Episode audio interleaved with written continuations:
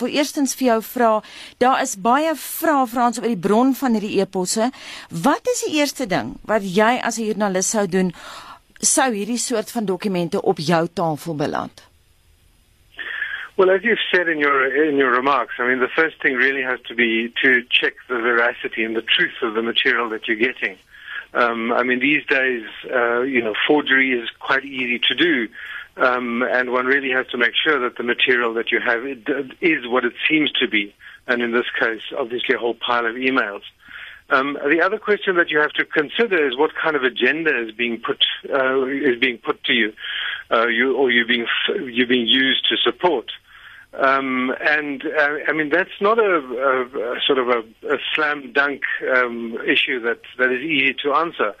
Um, but it does mean that you have to consider whether you're being used to fight any kind of factional battles and the like. Um, it, it may well be that that's the case, and it may well be that the story is still valid if it is in the public interest. But nevertheless, it is important to have a look at that kind of background and to contextualize it as best you can um, for the audiences that you're serving. Maar die konteks hier ook baie belangrik. Mense moet sê by oomblik in Suid-Afrika het ons strydende faksies binne die ANC Frans wat die media wil gebruik om hulle weergawe van sekere stories te dra. Well, exactly. I mean, I think what we've seen a lot of is is a kind of warfare by leak. Uh, where political and factional interests, um, even you know within party politics or within organisations, also um, use information of that sort to get at their opposition. Um, and that is something that we have to be very aware of. And I think it is something that, um, if not handled very carefully, can impact on the credibility of the media. Um, so it is a real concern. En hoe vaar die media as jy hulle punte moes gee, die Suid-Afrikaanse media binne hierdie konteks op hierdie oomblik in tyd? Well, I, I would like to see a little bit more kind of explicit discussion of, of exactly this, of the kind of inf- inf- uh, the kind of factional interests that are lying behind these leaks. Um, but aside from that, I think that the material that's been put out there is clearly in the public interest. I mean, we've had a lot of discussion of state capture. Um, and it is very interesting and very useful to see the texture of that, exactly how it works, the minute details sometimes of, of emails flying backwards and forwards, requests and, and, and the like. Um, so I think it's clearly of public interest that it does seem to be accurate. Um, we've certainly had no contest, uh, nobody saying that these are untrue, this is untrue material. Um, the Guptas have time again and again been asked to comment.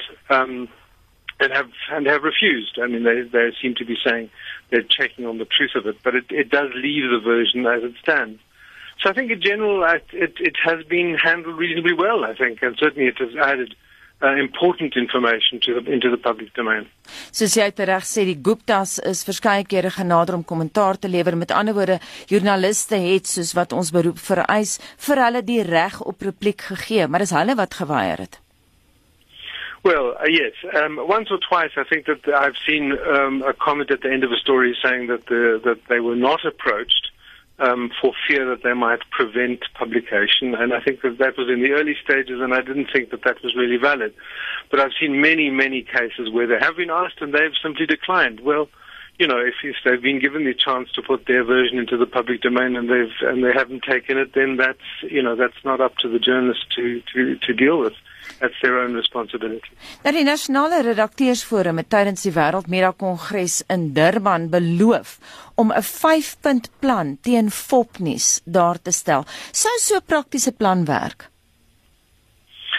Well, I'm not quite sure what Sanif exactly has in mind, but certainly there is an enormous amount of interest and concern about this phenomenon of fake news. Um, you know, where PR agencies, sometimes, sometimes small outfits, um, which you know do this for commercial gain, um, and and other individuals actually put information out into the public domain, which is clearly false, which is distorted, and which is designed, um, you know, to mislead the public. Um, and that has had, you know, there have been political um, uh, um, episodes of this kind where, you know, prominent journalists, in fact, have been slandered um, in various ways. I mean, a prominent former editor has had the uh, appalling experience of having had um, images created, photoshopped of her in various compromising positions. Um, and that kind of stuff is really awful. Um, so there's huge concern. Um, you know, even the kind of tweets that one hears of the death of prominent people, which are simply made up and can cause, you know, real, real distress. Um, it, it, I think that there is a beginning, there are beginning to be answers to what can be done. I certainly think that the social media platforms um, have a responsibility to act against um, the, you know, this kind of material. So I think we're, we're seeing some kind of pushback, but it is a very hard problem to solve because um, it is very easy for people to put out uh, false news in that in that way. Baie dankie en so sê die direkteur van die Wits Radio Akademie, professor Frans Kreer.